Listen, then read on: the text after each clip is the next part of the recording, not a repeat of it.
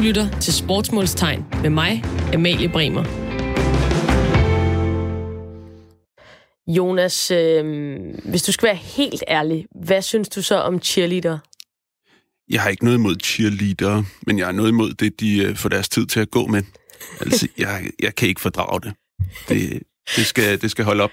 Fedt. Ved du hvad, det, det kommer vi bag til, til, tilbage til lige om lidt. Først så vil jeg øh, lige sige ordentligt velkommen til Sportsmålstegn. Det her det er programmet, hvor vi har en uh, hel time til at undre os løs over en uh, lille brøkdel af de rigtig mange rigtig underlige ting, der foregår i uh, sportens verden. Den stemme, som I hørte lige før, øh, den øh, gamle surmand, det var Jonas Neiveld. Du er historiker, og så er du vores hushistoriker her på øh, programmet i dag. Jeg stiller øh, alle de dumme spørgsmål, og så tænker jeg, at din øh, krøllede hjerne, den bare associerer ud af. Øh, er du klar på det? Det prøver på. Fedt. Lad os øh, komme i gang med aftenens sportsmålstegn. Radio 4 taler med Danmark. Nu skal vi nemlig i gang med et øh, emne, som jeg har glædet mig rigtig meget til at blive øh, klogere på. Jeg er nemlig, øh, normalt så vil jeg måske indtage den samme position, som, øh, som du indtog lige før, Jonas, ved at være sådan lidt, øh, lidt øh, gammelsur over cheerleading. Men så kom jeg til at se den Netflix-serie, der hedder øh, Cheer, en dokumentarserie, som handler om USA's bedste college cheerleading-hold. Så hvis man forestiller sådan Bring It On, den der gode gamle sådan 90'er... Øh, øh, film, øh, bare som dokumentar, som er nogle virkelig seje unge mennesker fra, øh, fra Texas. Og øh, jeg var sådan lidt af den opfattelse, inden jeg så serien, at cheerleading, det er sådan noget, ligesom man ser i NFL, og der står de og ryster med, med nogle pomponger, og de ryster også med, med nogle andre ting, og så hopper de lidt rundt øh, i en eller anden øh, haller i en sportsbegivenhed, og egentlig bare sådan er lidt, lidt et, en eller anden anachronisme for den gang, at, øh, at mænd synes, de skulle øh, havde ret til at se på nogle let parkerede damer, samtidig med, at de så, så sport. Øhm, men det er det så i hvert fald ikke kun, skulle jeg hilse at sige, fordi de her cheerleader, som man ser i den her serie i hvert fald, de er de, øh, de vildeste gymnaster. De laver øh, tre etagers menneskepyramider og tyrer hinanden rundt i saltomotaler og alt muligt andet. Så bliver de jo helt vildt skadet hele tiden. Øh, så alt i alt, så, så virker cheerleading lige pludselig på mig som en øh, ret sej og, øh, og ret sådan brutal sport. Og det skal vi selvfølgelig undersøge her i øh, Sportsmålstegn. Men Jonas, du var inde på det lige før. Øh, dig cheerleading, det er ikke sådan lige pot og pande? Nej, det er aldrig noget, jeg er gået... Altså noget, der imponerer mig i sønderlig høj grad. Altså, jeg synes lidt, at sådan fraværet af cheerleading og pauseunderholdning, det er lidt det, der beviser Europas kulturelle overlegenhed i forhold til USA. Altså, vi, vi behøver ikke skjule den tomhed, vores kultur øh, er en del, eller sådan, vores kultur skal overskygge med, at der hele tiden skal ske noget. Det er faktisk dejligt, at der ikke sker noget, når pausen er i gang, eller når der bare ikke sker noget. Vil du hvad, øh, vi skal, vi skal have, øh, have nogle øh, eksperter på banen her, nogle mennesker, som, som rent faktisk ved noget om cheerleading. Øh, og derfor så, øh, så har jeg ringet til, til dig, Michael Son Ottesen. Du er international dommer i cheerleading. Hej med dig. Hej med jer. Og du kan godt høre her, vi, vi, vi har jo lidt forskellige udgangspunkter øh, til cheerleading, så nu må vi jo høre fra nogen, der rent faktisk kan, kan fortælle os, øh, hvad det er, der foregår. Først og fremmest, så skal du lige forklare, de fleste af os kender som udgangspunkt cheerleading fra sportsbegivenheder, øh, hvor der, der kommer nogle lidt påklædte kvinder ind og, øh, og ryster lidt med det ene og det andet. Øh, men det er jo i virkeligheden meget, meget mere end det. Kan du fortælle lidt mere om de her forskellige grene eller discipliner, der er inden for cheerleading? Ja, det kan du tro. Øh, inden for cheerleading har man jo øh, to overordnede kategorier. Det første, det er cheerleading, hvor man, øh, som du selv var inde på, hvor man løfter og kaster øh, med hinanden og laver de her pyramider og involverer øh, springgymnastik også. Så det er simpelthen det akrobatiske element, der er inden for den gren af øh, sportsgrenen. Dernæst så har man øh, den kategori, der hedder Performance Cheer, som er øh, et, øh, en form for dansekategori, hvor man kombinerer nogle motions, øh, hedder det inden for cheerleadings øh, sprog, som er nogle skarpe, præcise bevægelser, som man kombinerer med nogle, øh, noget jazzteknik og balletteknik, øh, som er jumps, øh, det kan være sådan nogle splitspring, det er pirouetter, det er spagatspring, og det er spark osv. Øh, det er de to overordnede øh, grene af cheerleading, der findes. Og det man nok primært kender øh, i Danmark, når man har været ude på et eller andet givet stadion og set en fodboldkamp eller et eller andet, så er det øh, performance cheer-elementet. Men, men det er sjældent set, at de øh, dansere, der, der står på de stadions og performer, at det reelt set er reelt performance cheer. Altså, de er ikke tro mod kategorien, så det er i princippet nogle dansere, der har fået nogle pongponger i hænderne, og så skal de agere cheerleaders. Så de har ikke noget med cheerleaders at gøre som sådan, men de er bare gode dansere. Ja, og det er jo ikke, altså, man skal jo ikke, heller ikke se ned på, på dem, som, øh, som er cheerleader på, i pausen på, på, på Silkeborg Stadion, men, men, øh, men det er jo i virkeligheden, altså, det, det er jo også, også mit indtryk nu, efter sådan at have lært en lille smule mere om det, det, det er jo i virkeligheden, som du også siger, det er jo ikke specielt meget med, med cheerleading. Gør det måske også lidt, lidt ærgerligt for jer, som repræsenterer cheerleading på en eller anden måde, at det er ligesom at det, som, som vi andre, eller som minimand får at se, øh, som, som kommer til at repræsentere cheerleading sådan bredt? Ja, men altså det er det jo også, så man kan sige, at, øh, at da cheerleading øh, kom til Danmark for mange år siden, der var det lidt en øh, fejlopfattelse af, hvad sporten egentlig gik ud på. Øh, og der fokuserede man primært under Superligaen og med at få nogle piger ud, øh, nogle dansepiger ud, og så øh, lave noget pauseunderholdning. Øh, hvor man i dag er gået lidt mere væk fra den type, og så simpelthen har lavet en, øh, en øh, hvad hedder det, konkurrence øh, gren mm. øh, af, af sporten, så der man konkurrerer øh, i cheerleading i stedet for i, øh, i det danseelement, der foregår ud på, på stadions. Øh, og så, ja. altså, nu, nu er du så øh, dommer. Vi skal prøve at komme tilbage til det, som, som du så forklarer nu, er, er rigtig cheerleading, kan man sige. Øhm, ja. Når du så er dommer til, til turneringer, altså, hvad, hvad, er, det, er det landshold, du dømmer, eller er det, som vi ser i, i den her serie, sådan colleges, eller hvad, hvad er det for nogle turneringer, og hvem stiller op? Altså, i, øh, i Danmark, øh, der er det øh, klubhold. Okay. Øh, og det samme er gældende for Europamesterskaberne, som jeg også øh, dømmer. Øh, når jeg dømmer VM, så er det øh, landshold. Øh, men nogle øh, lande øh, sammensætter, laver sådan en tryout og sammensætter forskellige klubhold til et landshold, eller også så er det øh, klubhold, der repræsenterer øh, landet som et landshold, kan man sige. Ja. Men det er øh, udgangspunktet er, at det er landshold, øh, der konkurrerer mod hinanden til VM. Og hvad, hvad kigger man så efter som dommer? Altså, hvad er det i... Øh, lad os tage udgangspunkt i, i den her... Øh, den første del af det, som er meget med, med, med akrobatik, som du sagde. Ja. Altså, hvad kigger man så efter som dommer? Hvis vi tager udgangspunkt i cheerleading, så tager man udgangspunkt i at øh, når der man bedømmer det, så ser man ud fra øh, udførelsen af de forskellige skills, der bliver udført. Hvor mange udfører de forskellige skills ud af den samlede, øh, hvad hedder det, af det samlede antal personer på holdet. Og så kigger man selvfølgelig på, øh, på sværhedsgrad, og man kigger på kreativitet og udtryk og, og så videre. Så, øh, så det er overordnet set den måde, man, man bedømmer øh, cheerleading på øh, tier dance, der er det nogenlunde det samme. Der har man bare et større, øh, eller performance tier, som det også hedder, mm. der har man et større fokus på det kunstneriske i dansen. Øh, og musikalitet ser man på, og man kigger selvfølgelig også på teknikken. Er det korrekt udført, de der tekniske elementer? Hvordan øh, er deres formteknik? Det er jo de her skarpe, præcise bevægelser, som man har, øh, der er kendetegnet inden for, for cheerleading. Hvordan ser de ud, og så videre.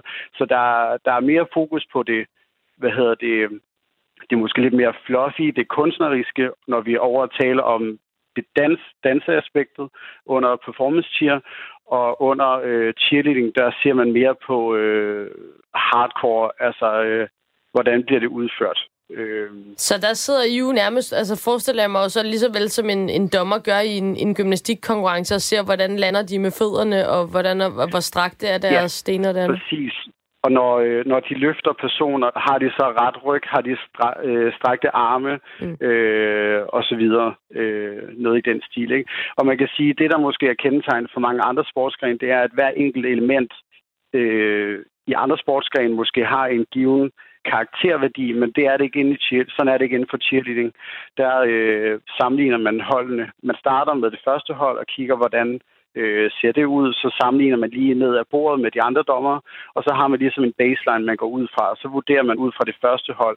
Det næste hold, når de havde måske nogle svære skills, der var ikke så mange af dem, men overordnet set klarede de måske så bedre, og så scorer de højere osv. Så, så, så det er, øh, man, man er som dommer i cheerleading øh, forpligtet til at kunne kunne se på, på det enkelte holds øh, stilart, kan man sige, men samtidig også stimulere øh, kreativiteten og, og sikre, øh, at der altid er en form for udvikling i sporten, også i kvæg den måde, man giver point øh, og kommentarer på. Selvfølgelig. Og vil du være, Michael, øh, så vil jeg sige dig tak. Øh, Michael Sohn Ottesen, international øh, cheerleading-dommer. Tak, fordi du var med her og lige gjorde ja. os klogere på, hvad cheerleading egentlig i virkeligheden er. Selv tak. Nå, Jonas, altså nu, lige om lidt, så skal vi snakke med en, som rent faktisk øh, dyrker den her sport. Øhm, jeg tænker, at det er lidt sådan ærgerligt for cheerleading-sporten, at, øh, at det, som, som vi andre almindelige dødelige, vi ser, det er jo i virkeligheden slet ikke det, som, som de render og laver. Ja, det synes jeg da også, fordi jeg fik da mere respekt for det at høre på, på Michael her. Øh, men ja, de skulle have sådan en beskyttet titel, skulle de. Jamen det er det, fordi så er det jo i virkeligheden, øh, så er det jo ikke bare øh, i godsøjne øh, danser, men det, det, så, så er det jo dansere, der ligesom danser rundt, og så under, under brandet cheerleading, eller hvad Ja, ja, de misbruger det jo. Ja, det er det. Altså, det, det er jo ligesom, når der er nogen, der over i ja, for at tage dem frem igen, over i Amerika, der laver parmesanost og kalder det parmesanost, når det ikke er parmesanost, fordi parmesanost kommer fra Italien. det, det, det, er jo, det er jo faktisk en til en øh, det samme. Det er det lidt. Ja. Øhm, nu skal vi til gengæld øh, snakke med en, som øh, dyrker cheerleading selv, og som øh, i øvrigt er, er rigtig, rigtig dygtig til det. Det er øh, Mie Hø Hegård, som er dansk landstræner i cheerleading. Hej med dig, Mie. Hej så. Nu har vi hørt lidt fra, øh, fra Michael Sohn Ottesen. Jeg ved ikke, om, øh, om du kender ham. Nu ved jeg ikke, hvor stort cheerleading-miljøet er her i Danmark. Øhm, oh, ham kender jeg godt. Ham kender du godt. Okay, fedt. ja. øhm, vi har hørt lidt om øh, ja, det, der hedder sådan traditionel, eller bare hedder cheerleading, og så, mm-hmm. og så er de mere sådan danseagtige. Øh, ja. Og, og nu vil jeg gerne høre dig. Du er selv cheerleader øh, og også øh, træner. Øh, hvordan kommer man lige i gang med at være cheerleader, når man bor her i Danmark? ja, øh, for mig er det mange år siden, lang tid tilbage, men øh, jeg startede faktisk som danser. Okay. Og øh, på en helt almindelig danseskole, og øh, så begyndte det lige så stille at udvikle sig til, at man dansede, men samtidig lavede man nogle små, forsigtige løft. Øhm, samtidig. Øhm, og så lige så stille og roligt, at det bare blev mere og mere stunts og kast og løft, end det blev dans. Så, øh, det er egentlig sådan, jeg er kommet i gang. Så du er faktisk gået fra at være over i det her øh, performance-element, og så kom over til, til sådan den, den, den egentlige øh, cheerleading, øh, hvis du selv skal sige det? Ja, det kan man godt sige ja til. Øh, det var så mere sådan, du ved, show og hiphop, jeg startede med at danse. Mm. Øh, men ja, øh, det, det var helt klart mest dans. Og hvad, altså, når, når du siger, at, øh, at du er cheerleader til folk, hvad, mm. altså, mhm. rynker de, rynker de på næsen af dig, eller hvad er deres reaktion? Øh, de fleste reaktion, det er, øh, hvilket hold hæpper du for? øh, og den, øh, jeg, har, jeg har vendt mig til at få den i hovedet, når jeg siger det. Mm. Øh, men øh, jeg prøver så også at vende den for dem og sige, men altså, det er ikke sådan, øh, det er ikke den sport, jeg går til. Jeg forstår godt, hvorfor du spørger, fordi det er tit sådan, det bliver øh, illustreret for film fra USA. Og, men øh, det er ikke den sport, jeg laver, siger jeg så til dem. Øh, jeg kaster faktisk med mennesker. ja. Mm. Øh, og apropos øh, kaste med mennesker, altså en af de øh, grunde mm. til, at vi tager, tager cheerleading op her i dag, det er, fordi jeg er blevet en øh, form for besat af den her Netflix-serie, som hedder Cheer, som ja. du øh, sikkert også har set. Ja. øh, og de er, jo, altså, de er jo helt vildt dygtige, og jeg, altså, nu, nu er jeg ja. jo øh, bare øh, lægmand, kan man sige, men det, det er jo gymnastik på, på meget, meget højt niveau. Øhm, mm. Hvordan kan det egentlig være, at man ikke kaster sig over øh, i går så en rigtig gymnastik, øh, hvis man er så dygtig til det? Mm, jeg tror, at øh, det der i hvert fald er... Øh der, som er mange der siger herhjemme, er i hvert fald bare, at de kommer til at kede sig ved, at det kun er springemusik. At mm. der, de, det, der er så fedt ved cheerleading, er, at der er mange flere elementer i det. Altså, der er jo det her, der er springemusik, men så er der også det akrobatiske ved, at man faktisk løfter og kaster og står på hinanden. øhm, og der, det bliver bare aldrig kedeligt, fordi det er ikke kun én ting, du laver. Det er altså 3, 4, 5 forskellige elementer, du laver i en rutine. Ja. Ja. Og hvad, øh, altså, kan man leve af at være cheerleader her i Danmark? Det kan man ikke, nej. Det kan man ikke. Og hvad med i andre lande, sådan, hvis man, altså, udover dem, som, som sikkert lever af det, når de skal ind øh, i, øh, i halvlejen øh, i NFL eller sådan noget, men altså det her øh, sådan originale cheerleading, er der, er der nogen, der lever af det? Det er der faktisk. Øhm, vi har øh, de tidligere landsholdstrænere for Danmark, øh, er faktisk øh, et par fra Slovenien, og de øh, laver ikke andet end at rejse rundt i verden og undervise cheerleading. Okay. Ja. Øhm, og så, altså, nu, det er jo en af de her øh, sportsgrene, som er, som er sådan lidt ukendte, eller også sådan lidt misforstået mm. i virkeligheden, finder vi mm. ud af nu. Ja. Øhm, hvad, hvad tænker du, sådan en serie som uh, Cheer, den kan gøre for, for jeres miljø? Jeg håber virkelig, at den kan øh, åbne øjne for, øh, for dem, som har en eller anden fordom for det. Øh, fordi det kunne være rart ikke at blive mødt med en fordom, hver gang man sagde, at man mm. var cheerleader. Øh, men jeg synes også bare, at det er super fedt, at der bliver gjort altså, en positiv og faktisk sådan en, en, et reelt billede på, et, i hvert fald et mere reelt billede på, hvordan cheerleading er i forhold til de film, man kender som Bring It On, fordi det er jo ikke sådan, at cheerleading verden fungerer i Danmark. Nej, det, det, det, det giver måske det lidt forkerte billede. Øh, nu, nu er du landstræner for, for det danske landshold. Kan du give os en, en hurtig lille status på, på dansk cheerleading? Kører det for os? Det gør det. Øh, jeg synes virkelig, Fedt. vi er on the right track, så det er dejligt. Og hvad, Øhm, hvor, meget, hvor meget træner I sådan? Altså det, når man ser det her, så er det jo sådan tre etagers menneskepyramider, og det er jo mm. altså, det er ret voldsomt. Hvor meget, ja. hvor meget træner I? Jamen, øh, vi har er det, 10 weekender i alt, vi har, øh, fra sæsonen starter og til vi skal gå på VM-gulv i USA. Så har vi 10 weekendstræninger. Det lyder ikke specielt ja. meget, faktisk. Nej, det er det heller ikke. øh, men, øh, så kan jeg godt forstå, at de bliver træning. skadet hele tiden. Nej, der, der er jo meget træning øh, på sådan en weekend. Øh, ja. Men, men man forventer også, at man mødes med sin stuntgruppe, altså fire mennesker, og træner ud over det, så man har sin stunts. Øh, sikre, så man faktisk mere bruger tiden på pyramider og på kast, hvor man er lidt flere om det. Ja, så det, så det er lidt mere sådan omstændigt, end man bare lige, øh, hvis man spiller fodbold, så skal man bruge en bold og måske nogle fodboldstøvler, ja. hvis bølgerne går højt, ikke?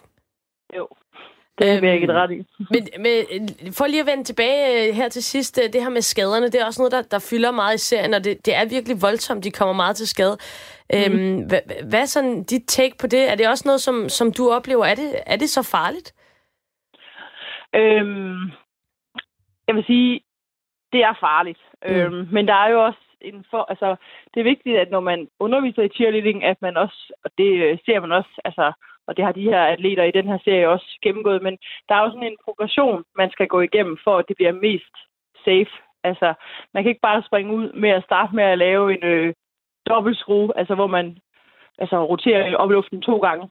Man bliver nødt til at starte med at rotere én gang. Altså, du ved, der er ja. ligesom sådan en, en, en form for trappe, man skal igennem ja. øh, for at mindske skader.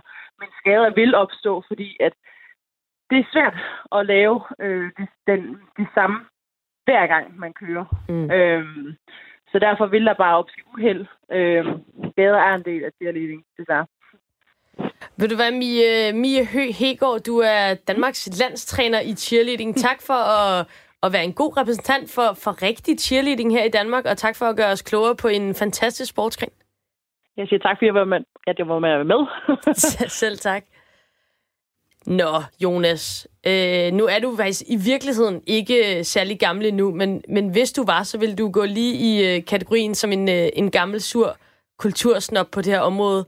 Ja. Altså, er du, er du blevet lidt op, eller kan du komme, kom, altså forklare mig lige, hvad er det ved cheerleading, der gør dig til sådan en sur gammel mand? Jamen, det, der gør mig til sådan en sur gammel mand overfor cheerleading, det er, at jeg ikke kender til den her sportsgren. Jeg kun kender til de klichéer, man, bliver, man får fremstillet gennem den øh, amerikanske massekultur, som har bredt sig som en øh, kraftknud over, over kontinentet. Øh, og den er jeg fortsat meget skeptisk over for, både ud fra, hvad kan man sige, sådan en rent kønspolitisk perspektiv, men også over for sådan en rent kulturelt mm. perspektiv, at jeg synes ikke, det hører nogen steder hjemme. Men altså, det her, det er jo en seriøs sportsgren, som kunne være værd at følge. Men det er jo interessant det her med, med den amerikanske kultur, altså, fordi det, cheerleading er jo er både på godt og ondt, øh, synes jeg lidt et, et, et spejl på den amerikanske kultur på mange måder. Altså, hvad, hvad er det, der, der pisser dig sådan af for sit liv? Jamen, det, der pisser mig sådan af, det er, at øh, altså, hvis vi snakker om det her helt klassiske bring it on cheerleading, det, der pisser mig af, det er, at folk, øh, folk har da ikke brug for at se de der. Altså, hvad er det? Hvad er det for noget, man tror, man har brug for, når man kunne, når man kunne have sådan en tiltrængt pause i pausen, øh, så kunne man øh, bruge den til at sidde og kigge på en græsplæne, eller snakke lidt med sine venner, og dem man nu er der med, i stedet for at se på det her, sådan at der hele tiden skal optimeres og fyldes ud, når der måske ikke behøver at blive fyldt ud, når man kan hvile lidt i sig selv og det, man har, som jeg synes, vi er bedre til herover i vores del af verden. Jonas, øh, vi tager lige en, øh, en skiller, så du kan få øh, pulsen ned, inden øh, vi går til, til næste emne. Radio 4 taler med Danmark.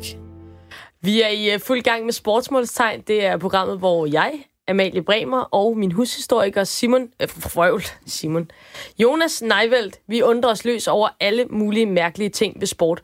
Og nu skal vi ved Gud til noget virkelig mærkeligt. Jonas, hvis jeg siger øh, blomkålsøer, hvad siger du så? Ja, det er jo sådan en trofæ, brydere får, når de har været i aktion nok gange, går jeg ud fra. Øh, jeg ja. er ikke selv den glade indehaver af nogen. Men... Nej, og, det, og det, det tænker jeg jo lidt, du skal være glad for, men altså, det skal vi selvfølgelig også blive klogere på, fordi det, jeg kender til blomkålsøer, det er, at jeg har set nogle helt vildt klamme billeder på Google. Øhm, men men øh, de her blomkålsøer, det er åbenbart en, øh, en ting, og som du siger, næsten et, øh, et æresmærke inden for kampsport. Hvis man lige sådan... Øh, hurtigt skal, skal jeg næsten for, altså forklare, øh, det, det er jo lidt svært i, i radioen, men det ligner næsten, at der er nogen, der har taget et øre, og så lige vendt vrangen ud på det, og så, og så, og så sidder det stadigvæk der, hvor, hvor øret sidder. Det, det ser helt aldeles uschammerende ud. Øhm, hvorfor tror du, øh, Jonas, der er nogle mennesker, der gider udsætte sig selv øh, for at rende rundt med, med blomkålsører? Altså, det virker rimelig radikalt. Jamen, der er masser af eksempler på, at folk øh, bruger deres sorg og deres ar og viser dem frem som noget, de er stolte over. Altså man kan for eksempel se i den amerikanske hær, så når man har, er blevet såret i kamp, så får man sådan en Purple Heart, en medalje, som man så kan gå rundt og vise til de andre og sige, du er også, blevet, du har også offret dig for fædrelandet. Og det går meget længere tilbage end det. Man så det også i det gamle Rom og deres legionærer, så havde de sådan hver legion havde sådan en ørn, som var deres symbol, og så når de ikke var ude i krig, de her legionærer, så havde de, fik alle sammen sådan en lille, et lille symbol med den her legionsørn på. Øh, en vexillum hed det, øh, som, øh, som de så kunne gå rundt og vise til de andre, for at vise, at vi er med i den samme her, og derfor kan vi hjælpe hinanden lidt, når vi kommer frem. Og man kan også sammenligne det med sådan sømændenes tatoveringer, Mm. I gamle dage var det jo kun sømænd, der havde tatoveringer. Det var ikke din barber nede på Istedgade og Sønder Boulevard, der havde det. Øh, men så, øh, så kunne de ligesom vise dem frem for over for hinanden at bekræfte, at de var en del af den samme klub på en eller anden måde. Og det vil man jo gerne være. Det er jo det, og øh, en af dem, som er øh, med i klubben, det er øh, Søren Hyllegård, som er formand for Dansk Fryd, Brydeforbund, ikke Frydeforbund. Brydeforbund. Hej med dig, Søren. Hov, han var ikke med der. Det kan være, at jeg skal lige dreje på den rigtige knap her. Søren, er du med mig herover? Jamen, det er Fedt. Øh, altså, hvorfor, hvorfor har I sådan nogle underlige ører, I bryder? Ja, men det er jo noget, der kommer så... Det, eller det er jo givet, når, når, når de knaller hovederne sammen i, i brydekamp og så videre, så, så får de nogle blodansamlinger, og det giver på sigt sådan nogle, det vi kalder blomkålsører. Så det er simpelthen, når man, når man banker hovederne mod, og dermed også ørerne nogle gange, altså siden af, ø- af hovedet mod hinanden, så, det, ja, så, så får man simpelthen blodansamlinger i øret? Ja, eller panden rammer, den modstanderens pande øh, rammer, rammer hvad hedder, øret, der ja. Panden, så kommer de her blodansamlinger, og så, ja, så på sigt så danner sig noget brusk, og så bliver det til blomkålsører. Okay, så, det, så, der, så, så ja, hvis man skal sige sådan helt fysisk, hvad det er, der sker, så, så, så det er altså brusk og, og blod, der, der ligesom fylder øret ud, eller? Ja, det er det det er det. Men altså, man vil jo typisk, man vil jo typisk øh, hvis man får sådan et, øh, en skalle, så, øh, så kommer der en stor blodansamling, og der, mm. der vil man prøve at, at, at tage blodet ud, så det ikke, så det ikke bliver for stort. Ja, det er jo også smertefuldt at have sådan en ja. stor blodansamling. Altså, altså nu, jeg tør næsten ikke spørge jo vel, men nu siger du tappe blodet ud. Altså, hvad, der, der bliver du nødt til at uddybe her. Ja, men øh, så tager man bare en, bare en sprøjte, og så suger, suger blodet ud, og så, så, er, det, så er det væk, jo. Du, det er jo meget sådan uh, casual omkring det, altså, men det er måske, altså, du, du er bryder, tænker jeg, altså, det er jo, altså, I, I tager jo nogle tæsk, men det, det, det lyder jo simpelthen enormt smertefuldt. ja, nu skal jeg lige sige, at jeg gik, øh, gik havde en meget kort brydekarriere, men har elsket sporten lige siden, så, ja. jeg, så jeg har ikke blomkålsører, men, Ej, okay. men alle, dem, jeg, alle dem, jeg kan bære mig som er bryder i dag og så videre, de har det. Ja. Øh... Og, det er, og det er ganske almindeligt. Det er ikke noget, man sådan... Øh, man tænker ikke videre over det. Det er, det er helt normalt. Okay. Men, men, gør det, altså, men det gør ondt, ligesom et, hvis man havde et blåt mærke-agtigt, eller hvordan? Ja, jamen, det gør det. Det gør det, det, gør det, det, gør det rigtig ondt. Altså, det er da smertefuldt at, at, at få et, øh, et ordentligt slag på sit øre, øh, lige så vel som at få et slag alle andre steder. Så, så ja, men selvfølgelig gør det ondt. Men, øh, men øh, de unge mennesker og, og, og voksne mennesker, når de piver ikke over det, det er en del af sporten. Ja, ja, og jamen, bevares. Øh, er det permanent? Som ja, det er, det, er, det, det, det vil jeg sige, det er.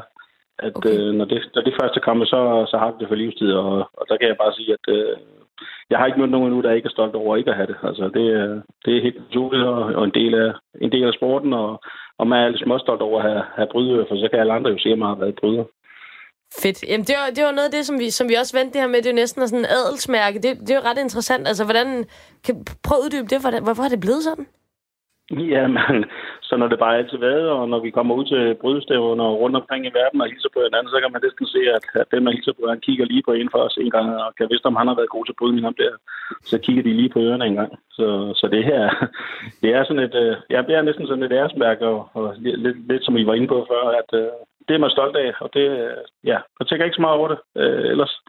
Så sådan, uh, det, jo vildere blomkålsører man kan troppe op med, jo federe er man, når man kommer ind i hallen der? ja, det ved jeg ikke, men, øh, men det, men øh, ja, men øh, man kan bare se det, og, og nogen har på øh, primært kun på et øre, og nogen har på begge ører, og, og så er der nogen, der har, altså, de har mere tendens til at få det end andre, og, og ja. ja, så får de jo lidt, lidt flottere ører, kan man sige, flottere blomkålsører, så hvis man kan kalde det det. ja, vi kalder, kalder I det det? Fordi at det, altså, for, for os andre, der, der vil jeg ikke umiddelbart lige sige flot om et blomkålsøre, men det, det er jo kun respekt for, hvis det er sådan inden for brudverden, man siger. Ja, men det tror jeg, tror jeg blandt, blandt atleterne, der, der, der er det nok sådan der. Og altså, hvis, øh, hvis øh, lytteren lige skal, øh, skal få et billede af et, øh, af et rigtig sådan eksemplarisk blomkålsøre, har du sådan lige et navn på en øh, bryder, der lige popper op i, i hovedet på dig, hvis man virkelig skal se et, øh, et flot blomkålsøre?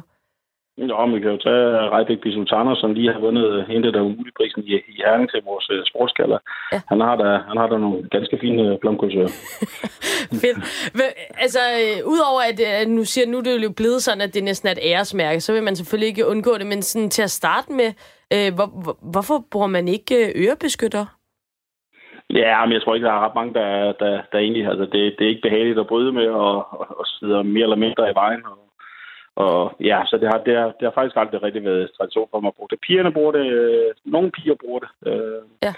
Og, øh, og så er der nogen, der bruger det. Man ser det også lidt i amerikansk brydning, i, i hvert fald i cottage men, øh, men så snart de, de går internationalt og så videre, så ser du meget sjældent, du ser øh, ørebeskytter. Jamen, det er sjovt, du siger det med pigerne, fordi det skulle jeg lige til at spørge om. Altså, øh, der er så nogen, der bruger ørebeskytter, men er det ellers også øh, prestige at have blomkålsøer for kvinderne? Nej, men nu kan man sige, at altså, kvinderne de bryder sådan lidt anden stil, at de bryder noget, der hedder fristil, hvor det måske er knap så udsat som, som, som, som det, vi kender fra Danmark, altså græsromersbrydning, hvor det er stående brydning, og man, og man går meget med, med hovederne mod hinanden. Og så kan man sige, at pigerne bryder en lidt anden, lidt anden stilart, okay. øh, hvor ørerne måske er knap så, knap så udsatte. Mm. Øh, gør det noget for... Altså, fordi når man ser billedet af det, så ligner det jo... Ja, det, det er jo sådan her brusknude-agtigt. Det ligner sådan, øret er lukket helt til os. Altså, kan man høre noget, hvis man har sådan virkelig hæftigt blomkålsøre? Nej, men man skal, man skal jo så... Der, der, der, der er luft, luft igennem til, til, og, og, og, så kan det, altså det, hvis det lukker så meget til, så bliver man jo nødt til at gøre, gøre et eller andet for mm. at, at åbne op, så man kan høre igen. Ikke? Så, det, så det, det, der skal man ikke ud i. Jo. Så. Men det er, altså det, du kender til, til folk, hvor den ligesom bare, der er bare blevet sat en prop i efterhånden? Ja, ja, altså, men, men, så, men så, man, øh, så, så, så, må man tage en operation lige få åbnet op for det. Ja. Man må ikke have lukket øre til, så man skal Nej. jo kunne høre, hvad der bliver sagt. det, det er jo det. Det er ret upraktisk. Ja. men altså sådan øh, mere generelt, altså sådan, man snakker jo om, i andre sportsgrene, der er man meget opmærksom på øh, lige nu i, i både fodbold og amerikansk fodbold, der snakker man om de her hjernerystelser og hovedskader og sådan noget. Og i brydning, der er det bare for fedt, hvis man har et mega brusket, sindssygt blomkålsøre. Altså, det, det er sådan lidt en anden kultur. Ja, det, jamen, det jeg, men, men, det, men det er jo en naturlig del, når det er sådan en, en krops, øh, kropssport. Altså, man, man, man er jo tæt på hinanden, og, og, og, og kan jo ikke undgå at komme til at og, og støde hovederne lidt sammen. Mm. Og, og, og nogle gange skal der faktisk ikke ret meget til, før der kommer sådan en, øh, en blodindsamling, når de går så tæt, som de gør. Jamen, ved du hvad, Søren Hyllegaard, formand for øh, Dansk Brydeforbund. Jeg tak. Er, næst, jeg er næstformand. næstformand. Undskyld. Ja. Ej, jamen, det er ja. godt, du lige får det med, så er der ikke en formand, der sidder derude og hiver sig i blomkålsøret. Ja, lige nok det. det er godt. Tusind tak skal du have, fordi du var med her. Ja, velbekomme. Okay, Jonas. Øh, blomkålsøer, det er øh, ganske rigtigt, som du også var inde på. Det er simpelthen øh, trofæer og... Øh, Altså ham, der kommer ind i hallen med det øh, mest øh, knudrede blomkålsøer, det er The Big Boss. Ja, det er, jo, det er jo dejligt at høre. Altså, det minder mig lidt i, i gamle dage i ishockey, der brugte man ikke rigtig sådan tandbeskytter. Og der kunne man også se sådan ishockeyspiller smilet. Der manglede, der manglede noget nogle gange, når de skulle øh, vise det frem. Men det kunne man forestille sig at have været lidt af det samme. Så kan man vise, at man Ja, har været ude at slås. Øh, og det er man jo glad for, når det er noget, man brænder for. At være ude at slås, og så også i helt bogstavelig forstand ude at slås, som det er i brydning.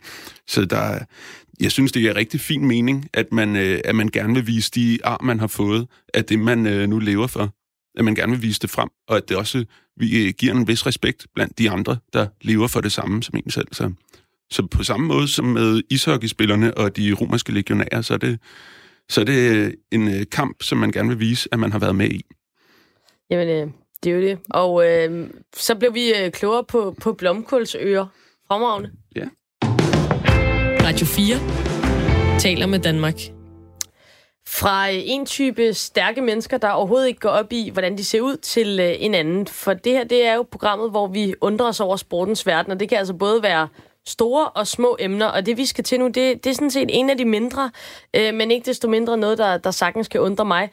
Øh, hvis man nogensinde har øh, sit vægtløftning, så har man måske lagt mærke til, at øh, deres sko er ret specielle.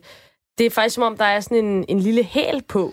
Øh, skoene de går nemlig op bag i, så sålen den bliver højere og højere, jo længere bagud mod hælen man kommer. Det ser mildt talt åndssvagt ud. Øh, Jonas, har du nogensinde set vægtløftning? Jeg har set noget engang til OL, og jeg må indrømme, at jeg ikke forstod sådan det, den helt store forskel, udover at der selvfølgelig var nogen, der kunne løfte noget mere end nogen andre. Men har du, øh, har du dyrket sådan deres sko? Har du lagt mærke til det her med hælen? Fordi det ser egentlig ret åndssvagt ud, hvis man sådan kigger på det. Jeg har aldrig lagt mærke til det, før du skrev det til mig. Men, øh, jeg, nu har, jeg har godt set det siden hen. Nå, men lad os, øh, lad os tage fat i en, som øh, har prøvet at have de her sko på, og som kender rigtig meget til det. Erling Johansen, du er formand i Dansk Vægtløfterforbund. Ja, det er rigtigt. Erling, Og jeg først, sidder klar nede i træningslokalet til at svare. gør du det? Hvor er det godt. Har du, har du, de her, har du vægtløftersko på? Nej, jeg har faktisk skiftet og er færdig med at træne. Okay, okay. Men øh, altså, først og fremmest, der skal vi lige øh, have noget øh, af vejen her. Øh, der er måske ikke så mange, der, der kender til dig, men du har faktisk repræsenteret Danmark ved OL hele tre gange i, øh, i 70'erne og i 1980. Vil du ikke lige starte Ja, med at, at fortælle lidt om det, fordi det, det er da helt fantastisk. Ja, men det er jo sådan noget med, når man øh, ligesom kommer ind på den rigtige hylde i den rigtige øh, idrætsgren eller på det rigtige arbejde, så pludselig så lykkes alting jo. Så jeg startede faktisk med at ville være gymnast, øh, og så var der sgu ikke rigtig plads dengang. Det var dengang, alle ville være gymnaster. Så blev jeg til vægtløfter i stedet for. Og det var åbenbart det rigtige sted til mig. Og så røg du simpelthen med, ja, det, det har været meget rigtigt, tænker jeg, siden du er simpelthen røget med til, til OL hele tre gange. Hvordan, hvordan gik det? Jamen altså, jeg har været mellem de 15 bedste hver gang, og den højeste placering, den fik jeg i Montreal med en 9. plads. Wow, sejt. Jamen, øh, fedt lige at få det på plads. Så ved vi også, at det er en, øh, en kapacitet inden for vægtløftning, vi snakker med jo. Øhm, men altså, de sko her, lad os øh, prøve at tage fat i dem. Øh, Hvad, hvad er historien bag ved, ved vægtløfterskoen? Jamen, det er simpelthen, at øh, den skal være så hård og fast som overhovedet muligt. Og så skal den sørge for, at den vinkel, man får på, på underbenet, gør, at ens ankler kan holde til det, og ens knæ kan holde til det. Mm. Fordi der bliver trænet en frygtelig masse øh, squats eller benbøjninger, som vi, vi kalder det nu. Efter CrossFit er kommet, så hedder Ja. ja. det jo squat. Så, så det er meningen, at man skal have fuld kontakt med gulvet. Øh, fordi det er jo alt der, det er jo der, kræfterne kommer ned fra.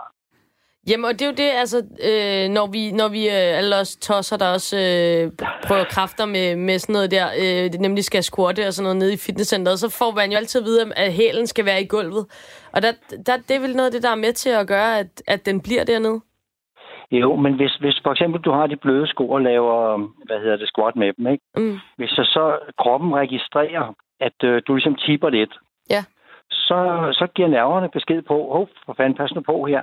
Og så, så, så holder musklen op med at arbejde. Okay, så Altså, det er ligesom, at der kommer et refleks, der træder ind, og så siger, hov, du mister balancen, og så holder musklen op med at arbejde. Så det er simpelthen et det vil helt konkret redskab til at, holde det her løft på den bedst mulige måde. Det er simpelthen for at finde den der øh, centerbalance, der skal være. Øh, og det samme gælder, når man skal, skal lave nogle af de, de, vores to andre øvelser. Et træk og stød. Der skal simpelthen være fuld kontakt med gulvet. Ja, fordi at når man ser øh, vægtløftning på, på allerhøjeste niveau, hvis man ser fra OL for eksempel, så kan man jo godt se, at det er virkelig minimaler, altså der kan gøre, om de lige tipper en millimeter, en hundreddel af en millimeter ja, for langt frem eller bagud, og der, det er måske der, skoen er med til at stabilisere. Det er nemlig helt rigtigt. Det, du siger, det er, at øh, man, man hiver, og man, øh, der skal den helst ende på fuldstændig samme sted hver eneste gang. Så når man sætter sig under vægten, øh, så skal den lande lige præcis ned igennem øh, den der midtersøjle, mm. der går ned igennem armene og ned til fødderne. Og sidder den ude på, på tæerne med, med stor ki, kilo på, eller den er en lille smule i sving baglæns, ja, så er man nødt til at lade den køre. Men altså, i mange andre sportsgrene, der udvikler man hele tiden på udstyret for sådan at optimere de aller, aller mindste ting. Har man ligesom ramt den her med vægtløftning i forhold til den her sko, som altså, ser en lille smule sjov ud med den her lidt sådan høje hæl, eller kommer der også nye tiltag? Er der nogle gange nogen, der prøver noget, noget helt anderledes, eller hvordan, hvordan ser det ud inden for der det? Har været, der har været rigtig mange forskellige. Øhm, jeg startede faktisk i sin tid, da jeg var sponsoreret af et finsk firma, der lavede støvler. Og øh, der ville, øh, hvad hedder de, Nike, de ville godt ind på markedet. Og øh, så fik jeg tøj fra Nike, og så, fra Nike, og så spørger jeg dem, om de ville lave vækkenstøvler også. Så sagde de, jamen det ville de godt, og så fik de nogle støvler over. Og øh, så tænkte de, at den er sgu for dyr at lave, så vi laver sådan en uh, plastiksål indvendigt, og sådan nogle lameller, mm. som man, man kender, og øh, den brænder sgu sammen. Og den... så gik der jo nogle, øh, nogle tid, så kom vi så tilbage og fundet ud af, nej, den gik altså ikke den der, og, og prøve at spare nogle penge på det sted der. Okay, så, så, så, der, så der er sket noget. Og det siger måske også uh, rimelig meget om, hvor ekstremt vægtløftning egentlig er, altså at, uh, at skoen lige brænder sammen der. Man har jo lavet nogle, nogle prøver, for eksempel, hvis, hvis man skal løfte 1.500 kilo, så skal der jo trykkes 1.500 kilo nedad. Ja. Og hvis man så skal sætte lidt fart på den også, så skal der måske trykkes med 175 kilo, eller 180, eller måske 200 nedad. Så skal, øh, så skal skoen altså være rimelig solid. Ja, det må man sige. Hvad, hvad løfter du også, sådan den dag i dag? Øhm, jamen, i dag, der, der laver de alle sammen. Øh, alle de store firmaer laver det, fordi sporten er blevet så stor efterhånden øh, på grund af det der crossfit. Øhm, og de squat, der bliver lavet i næsten ja. alle idrætsgrene. Altså selv atletikfolk er jo også begyndt at skifte sko, når de skal lave squat. Ja. Øhm, og det er jo næsten alle kaster, der, der laver squat. Fodboldspillerne laver det også. Jeg ved ikke, om de gider skifte sko, men i princippet så bør de gøre det, hvis deres knæ skal kunne holde. Og så, altså, øh, så nu har vi sådan fået dækket den base, der hedder, hvorfor, altså praktisk set, hvorfor man, ja. øh, man gør det. Så er der jo også det, som, som jeg nogle gange tænker, når jeg ser vægtløftning. Altså, det, de ser jo lidt sådan, altså, du, de ser sgu lidt fjollet ud. De har jo sådan en, en, en sjov dragt, som er jo sådan meget sådan, det ligner jo næsten sådan en badedragt-agtig øh, ting. Og så har de Jamen, de her sko, har... som ser meget specielle ud. Altså, ja, ja, hvad, men hvad? det er jo sådan noget gammelt noget. Der, altså i gamle dage, der, der stillede de jo også i lange, hvide underbukser ja. indenunder. og, øh, og så sådan nogle øh, de der brydedragter, du ved, der er sådan meget nedringende foran. Jamen, det er det. Men øh, nej, der, i dag er, er, det faktisk øh, kortærmet trøje indenunder en, øh, en trikot, som sidder lidt højere op og sådan noget. Og Men trikoten holder man alligevel fast i? ben, og de har lange ben i og sådan noget, ikke? Jo. Så der har også været lidt mode på det. Hvordan kan det være, at man, altså, man holder fast i den trikot der? Jamen, det er det internationale forbund, der bestemmer, hvordan man skal se ud. Ja, ja. De har jo for eksempel lige blevet øh, ramt voldsomt, da der begyndte at komme, øh, hvad hedder det, arabiske piger med. Okay. Så de må jo ikke vise noget, Nej. bare noget hud. Så har de nu godkendt en heldragt til, øh, til kvinderne. Gud, jamen det var det, øhm, det manglede der også bare, han har sagt. Så alle kan ja, være med. jamen altså, de prøver simpelthen på alle mulige måder, at alle kan være med. Mm. Der er ikke nogen, der kan komme og så sige, at de er udelukket af en eller anden grund. Nej, nej. På et tidspunkt, så var der nogle indre, der havde sådan en stor knop hår oven på hovedet. Ja. Og der hed reglerne faktisk, at, at vækstang ikke måtte røre noget øh, over hovedet. Nu er det så ah. blevet tilladt, at den får lov at, røre håret, fordi den ville man jo også godt have med. Ja, ja, selvfølgelig. og man har jo ikke meget hjælp af, at den vækstang den ryger hen over håret på en. Nej, jeg tænker ikke, at uh, håret lige holder de der uh, 140 Nej, kilo. Det, præcis, det er ikke så... bare så længe man bliver i lige konkurrence, det er sådan set det, det går ud på, jo. Ja, ja. Nå, men jamen, altså, så, så alt i alt kan vi også ligesom sige, at, uh, at det ikke er sådan kulturen, moden, udseendet, man går mest op i, når man, når man er vægtløfter. Nej, man går op efter performance. Sådan. Det er meningen, der skal, skal ske noget, og så prøver man så altså, at tøjet skal være ens. Der var jo nogle, nogle år, hvor man havde nogle andre øvelser med, hvor man brugte et kraftigt bælte Ja. til at støtte ryggen. Og øh, så fandt man ud af, at øh, det var måske ikke den helt rigtige måde, fordi øh, hvis man kom til skade omkring nogle ting ved at have for mange støttepunkter, altså hvis du havde støttebind på øh, knæ og albuer og på håndled, så får du faktisk svækket det sted. Så man skiftede faktisk bælterne. De blev lavet i dag af lidt blødere materiale end, end, end i gamle dage. Men må man stadig gerne have sådan en bælte på, når man er i Man må godt have et konkurrence? bælte. Det må man godt, okay. og der er lavet nogle regler for, hvor, hvor, hvor hvad hedder det, bredt det må være. Okay. Og så man det må er gerne have nogle sådan hjælpemidler, Ja, eller ja. hvad kan man sige? Ja. Det må man gerne, men der er stærke regler for hver eneste ting. Altså længden af knæbind og Okay. hvad hedder det, håndledsbindenes bredt, og hvor hårdt de må spændes, og alle sådan nogle ting, der bliver kontrolleret, inden man starter. Selvfølgelig, selvfølgelig. Ja. Nå, jamen ved du hvad, Erling, det var jo øh, helt vildt så meget, øh, vi kunne snakke om øh, vægtløfter, udstyr eller Ja. tøj, havde nær sagt. Men øh, tusind tak, øh, Erling Johansen. Du er formand i Dansk Vægtløfterforbund, og tak fordi du øh, lige var med til at strege den her undren af listen her i Sportsmålstegn. Velbekomme, og jeg håber nu, at der nogen kommer ind og ser OL her, om ikke så længe, at de kan se, for ligesom lidt mere udbytte af, hvad det er, de ser. Jamen det er det. Nu skal vi jo lægge mærke til, til skoene, og vi skal lægge mærke til trikoten og til længden af knæbindene og det hele. Ja, og til den der fart, den vægtløfter bevæger sig med. Ja. Tusind, Okay. tusind tak, fordi du var med. Ja, velbekomme. Hej. Hej, hej. Jonas, hvor lander din øh, hjerne efter øh, alt det, vi har hørt fra, fra Erling her? Altså, jeg tænker jo meget på sådan en, øh, en god sportskliché, som man kan tage frem, som er, at det, det er jo ikke nogen skønhedskonkurrence. Nej. Når man, øh, når man scorer et mål i en fodboldkamp efter et øh, klumpspil på 10 sekunder inden for en mål, så tæller det lige så meget, som når man øh, krøller et frispark ind fra 30 meters afstand. Og man kan også se det i en sportsgren som cykelløb, altså når Chris Froome kører på den her måde, som er rigtig effektiv, men som sportspoetaner måske ikke lige, ligefrem ville kalde smuk. Øh, med Ja, sådan det er faktisk decideret grim. albuerne langt ude til siden, og så sidder han på en mærkelig måde, men han kører jo vanvittigt stærkt. Ja. Øhm, så det, altså, det, er ikke, det er ikke æstetikken, det skal komme an på, men det har jo også en æstetik i sig selv, den her øh, optimering af, ja, i det her tilfælde af, hvor meget man kan løfte. Ja, så må man sige, det, er- det er selvfølgelig ikke æstetikken, det skal komme an på. I sidste ende, der er det jo resultaterne, men ikke desto mindre, så er der jo rigtig mange sportsgrene, hvor at den her æstetiske del, eller det fokus, det jo også har, altså fylder rigtig meget. Det ser vi jo også i fodbold. De tager jo trøjerne af, og de har specialdesignede støvler, og de, altså der, der, der fylder det jo for eksempel rigtig meget, og det, det gør det så ikke i vægtløftning. Det er også meget befriende, synes jeg. egentlig. Jamen, det er meget befriende også, at der er en form for, for tradition på det. Øh, der er en tradition for, at nu har vi de her, de her trikoter på, for eksempel, fordi det skal vi, sådan er vores udtryk. Altså, der kunne man jo nogle gange godt ønske, at FIFA kom ind og sagde, at man kun måtte have sorte fodboldstøvler på. Altså, Copa Mundial, det er det eneste ja, rigtige. det er faktisk det eneste. Ah, Diadora Brasil er også okay. Ja, okay. Til, til nøds. Til nøds kan du få lov. Ja, okay. Radio 4 taler med Danmark.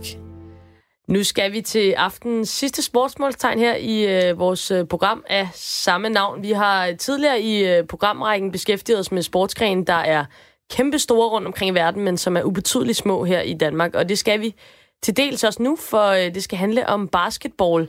Og bevares, øh, Jonas, vi har en liga, og man ser der også en, øh, en notits i avisen om bakken bæres i ny og næ, og, og det, det, det, er altså meget fint, men det er godt nok ikke meget, vi hører til basketball her i Danmark, hvis man sammenligner med, hvor gigantisk den egentlig er i, øh, i andre lande, og og særligt i USA selvfølgelig. Øh, hvad er dit umiddelbare bud på, at, øh, at basket det aldrig sådan er slået igennem i Danmark? Øh, men det er, at vi har en, en anden en anden halv sportsgren i Danmark, som er håndbold. Og det øh, håndbold har været, den, har været større end basketball siden altid. Man kan se, at de første landsholdsspillere, vi havde i basketball, det var i høj grad håndboldspillere, som så sat til at spille basketball. Øh, og det er jo også noget med at kaste og gribe, så der er nogle ting, der går igen. Men så havde vi en kommunalreform i 1970, hvor der var en masse sovnekommuner, der blev lagt sammen til nogle større kommuner. Og der var nogle af de her sovnekommuner, der havde nogle penge på kistebunden, som de ikke ville give videre til kommunesammenlægningen. Og så var gode råd jo dyre, og de var mange af dem, der fandt ud af, at øh, så bygger vi en hal. Det er derfor, man ser så mange haller ude i, øh, ude i den danske provins. Øh, og det er jo så blevet til håndboldhaller.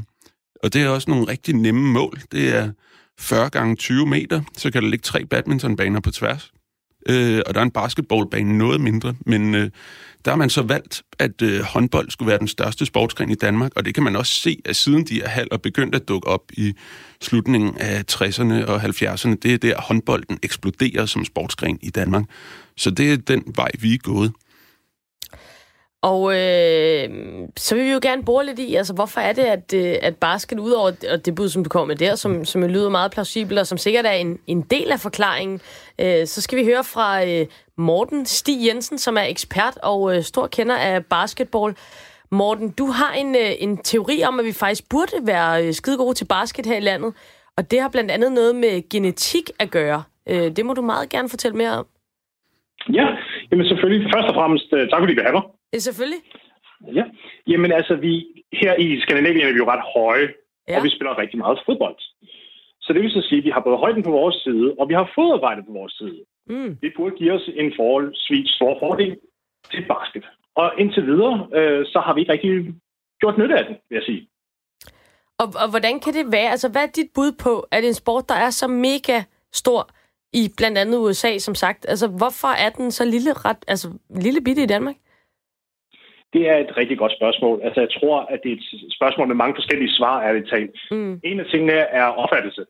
Vi bliver kigget på som en, en nichesport. Du siger vi, men sportsgrenen bliver kigget på som en nichesport. Ja. Og øh, det tror jeg ikke, den er nødvendigvis. I hvert fald ikke på global plan. Herhjemme kan man argumentere, fair nok. Den er lille, men vi har fremgang. Der er 14.500 medlemmer i klubberne. Øh, inden for de sidste seks år, der er hvad hedder det, øh, unge under 12 i henhold til klubregi vokset med 71 procent i antal. Øh, altså, så der er noget fremgang, og det handler om fra mediernes perspektiv at ligesom følge med på det, og faktisk også, som du faktisk sagde før, det der med, at man ser en gang imellem en lille notis om, omkring Bakken Bærs, medierne skal blive bedre til også at sige, hey, her er faktisk noget basketball, både i indland og udland. Lad os prøve at køre den vinkel op en lille smule. Fordi der er potentiale i den her sport. Det er den hurtigst voksende masse sportsgren i Danmark lige nu. Så lad os prøve at få lidt mere vind i sejlene, og det starter med medierne. Øhm, og måske for, for ligesom at, at sætte noget perspektiv på, øh, fordi det, det er nemt nok for mig øh, at sidde og sige, at, øh, at basket det, det er kæmpestort i USA, øh, men det er jo ikke desto mindre, jeg tror måske, at det er den, den næststørste sport dog. Altså, kan du prøve at forklare lidt, hvor, hvor, stor, hvor stor en sport er basketball? Hvor stor en position i det amerikanske samfund er det, den her sport, den har? Jamen altså faktisk på global plan, der er basket den næststørste sport.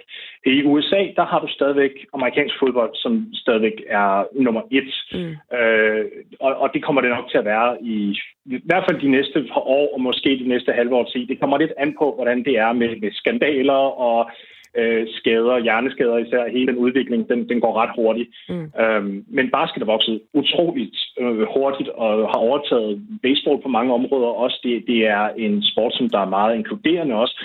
NBA er jo fuldstændig fantastisk til også at tage sociale emner op og støtte spillere, som der har politiske øh, meninger og dannelser af det her. De, de er nok den mest progressive liga, sportsliga i verden, hvilket har givet dem virkelig meget medvind øh, over de sidste 10 år, har jeg lyst til at sige. Um, det, det er enormt stort for at sige det livet. Og jeg tror måske, en af grundene til, at vi ikke rigtig kan spejle så meget af det, det er, fordi det er langt væk. Vi har ikke nogen ligaer, der ligger sådan tæt på og, og, og sådan er tæt på i kvalitet heller. Både geografisk og kvalitet. Altså den næstbedste liga i verden, det er den spanske ACB-liga, mm. men der er et betragteligt skridt okay. fra NBA og så til den spanske. Så vi sidder der og kigger på de europæiske ligaer og siger, om oh, det er selvfølgelig et skridt op for Danmark, et betragteligt skridt, men, men skridtet fra dem og så op til NBA, det, det er enormt. Og, og der har vi nok øh, en, en lidt større tendens til at sige, okay, for eksempel i fodbold, der har du den, den tyske liga, du har den engelske, du har den spanske, du har den italienske, og, og, og de alle sammen har deres styrker og svagheder, men der er et, et højt niveau hele vejen igennem. Men altså, når jeg, når jeg tænker på basket, så der er jo de her kæmpe store ikoner, altså fra, fra Michael Jordan og til LeBron James i dag og så videre, som jo er, er popkulturelle megastjerner, og det er de jo også i Europa og i Danmark. Altså, hvis man skal tage sådan de lidt øh, kritiske briller på, er der, er der også nogle, øh, nogle øh, forbund og så videre herovre i Europa, som måske ikke har været gode nok til at, at gribe den her hype, som der jo egentlig er om sporten. Det forplanter sig bare ikke i, at vi dyrker den. Jeg, jeg synes faktisk, at forbundene har gjort det så godt, som de overhovedet kunne, fordi at man skal jo først og fremmest skulle få folks opmærksomhed for, at de kan kunne starte i klubber, der man kan generere penge og økonomi. Uh, med, med de midler, de har haft til rådighed her i Europa, der synes jeg faktisk, at det er gjort rimelig godt. Mm. Uh, her, her i sommer, der lykkedes det for eksempel også Barcelona, uh, altså den basket, basketklubben Barcelona, at skrive under med Nikola Murtic, som er en NBA-spiller. Han, han, han spillede sig Real Madrid, før han kom til NBA, men han var en, en uhyre dygtig NBA-spiller og stod til at tjene over 12 millioner årligt dollars øh, endda øh, i NBA, og der overviste jeg simpelthen at komme tilbage til Spanien og, og, og blive den her superstjerne i Europa, som, som du kan være. Og indtil videre er det gået fremragende. Han, han har tiltrukket en masse, masse opmærksomhed tilbage til, til Europa, uh, og, og det kunne være uhyre spændende at se, hvis der var flere NBA-spillere, der ligesom tog den tur til Europa, fordi det tiltalte dem at være store internationale stjerner. Men, men det kræver, at der er nogen, der tager nogle skridt og rykker på noget. Og det er der, det er lidt svært, fordi alle pengene er jo i NBA. Det er der, de store, helt store lønninger mm. er, og det er jo der, hvor drømmen er for, for rigtig mange mennesker. Så hvad, øh, her, her til sidst, altså, hvad, hvad er det, man skal gøre, hvis du skal give, øh, som, som ekspert i, i basketball, hvad, hvis du skal give et godt råd til, mm. til dem, som også øh, organiserer sporten her i Danmark, altså, hvad, hvad skal der til for at, at få det her gennembrud? Mere mediedækning. Faktisk, som jeg sagde til starten med, det ja. er i alt i alt er det medier medier har en utrolig stor stemme i, hvordan vi tænker og agerer. Og det, at de bliver ved med ikke at ignorere, men ikke dække ligaen, eller faktisk sporten i sin helhed nok, det har altså nogle konsekvenser. Så øh, vi skal altså have mere fokus på øh, den ædle basketballsport. Øh, Morten, tusind tak, fordi du var med her i Sportsmålstegn i dag. Ja, mange tusind tak. Hej. Jonas, øh, du, er, du er ret høj. Øh, hvorfor valgte du ikke at spille basket i, øh, i sin tid, da du øh, skulle vælge en sportsgren? Jeg blev faktisk også inviteret med til en træning en gang på den baggrund, at jeg ja. er ret høj. øh, så blev jeg ikke inviteret tilbage, efter jeg havde været der en gang. Øh, okay, så du var bedre med fødderne. Du spiller fodbold, ikke? Øh, jeg har spillet fodbold ja. som målmand, så ja, ja okay. om jeg var god med fødderne, Nej. det er måske også tvivlsomt. Ja øh, men, men nej, det, det, det er desværre ikke blevet min levevej. Men altså, øh, det er jo interessant, det her medierne, det, det spiller selvfølgelig en stor rolle, men, men der er også noget kultur i det, tænker jeg. Altså, øh, du var tidligere inde på, at øh, håndbold ligesom har stjålet pladsen som Danmarks foretrukne halvsport. Passer håndbold bare bedre til os danskere? Eller, fordi basket er også det er flashy, og det er stort, og det er, det er sådan meget amerikansk. Altså, hvorfor, hvorfor kan vi ikke... Altså, der er en rigtig spændende teori, som øh, Joachim Jacobsen har skrevet om i Weekendavisen, som er, at øh, håndbold passer rigtig godt til den danske mentalitet. Det foregår nede i to ender. Der er, der er ikke sådan fokus øh, 100 eller 360 grader på det her. Man skal ikke der er sådan der er det her meget store målfelt, hvor øh, målmanden må være inde, og så er det ellers angriber, der står over for en mur af forsvarer. Og det kan passe meget godt til den danske småstatsmentalitet efter øh, nederlaget til prøjserne i 1864, hvor hele vores... Øh, hvor helt, og det er jo op i tiden nu med øh, jubilæet for genforeningen det er jo det. I, øh, her i år. Øhm, og det passer meget godt til vores småstatsmentalitet med, at vi altid skulle forholde os til ikke at provokere tyskerne, og vi laver den her øh, vold af tilnærmelser, vil nogen måske sige, mod tyskerne. Og samtidig så laver vi, prøver vi også at lave bedre befæstninger, end det så viste sig, vi havde der i 1864, hvor man for eksempel laver Københavns befæstning ude ved Vestvolden, som øh, ligner et øh, håndboldmålfelt i ufattelig høj grad. Hvis man ser på det, så går det i den her halvcirkel rundt om København, og det er jo det samme, som man ser ved det her. Så på den måde, så handler det om, at det er et lille land, det er også os, der har opfundet håndboldspil. Vi er et lille land, der orienterer os ud af, men det gør vi på den her måde med at opbygge en vold omkring det, vi skal beskytte, som jo er målet. Øh, og det, øh, det er håndboldspillets det er det, håndboldspillet er. Det er at beskytte noget udad til, hvor man har fokus en vej, og ikke hele vejen rundt om sig selv, som man skal have i basket, for eksempel. Det er, det er helt fantastisk interessant, og jeg elsker, at øh, håndbold det kan blive øh, repræsentativt for den danske småstats øh, men øh, det, lyder, det lyder rigtigt nok. Og så var der også øh, lidt at gå hjem på med den. Ja, det håber jeg da, at folk vil tænke over. Radio 4 taler med Danmark. Så nåede vi igennem en uh, hel time med sportsmålstegn for i aften. Vi har fået uh, en masse fede svar på uh, mine mange spørgsmål. Det har været uh, fremragende. Jonas, tusind tak, fordi du var med. Jamen selv tak. Det har været en fornøjelse. I kan som altid skrive til mig på uh, Twitter. Mit handle det er Amalie Bremer. Hvis der er noget inden for sportens verden, der undrer dig, så tager vi gerne fat på det. Det kan være store emner, det kan være en hel sportsgren, som du ikke øh, fatter noget som helst af. Det kan også være mindre ting, der irriterer dig. Det kan være en hæl på en vægtløftningssko. Intet er for stort eller for småt, til vi kan undre os over det. Lyt med igen på næste onsdag kl. 20.05, hvor vi undrer os videre. Vi lyttes ved.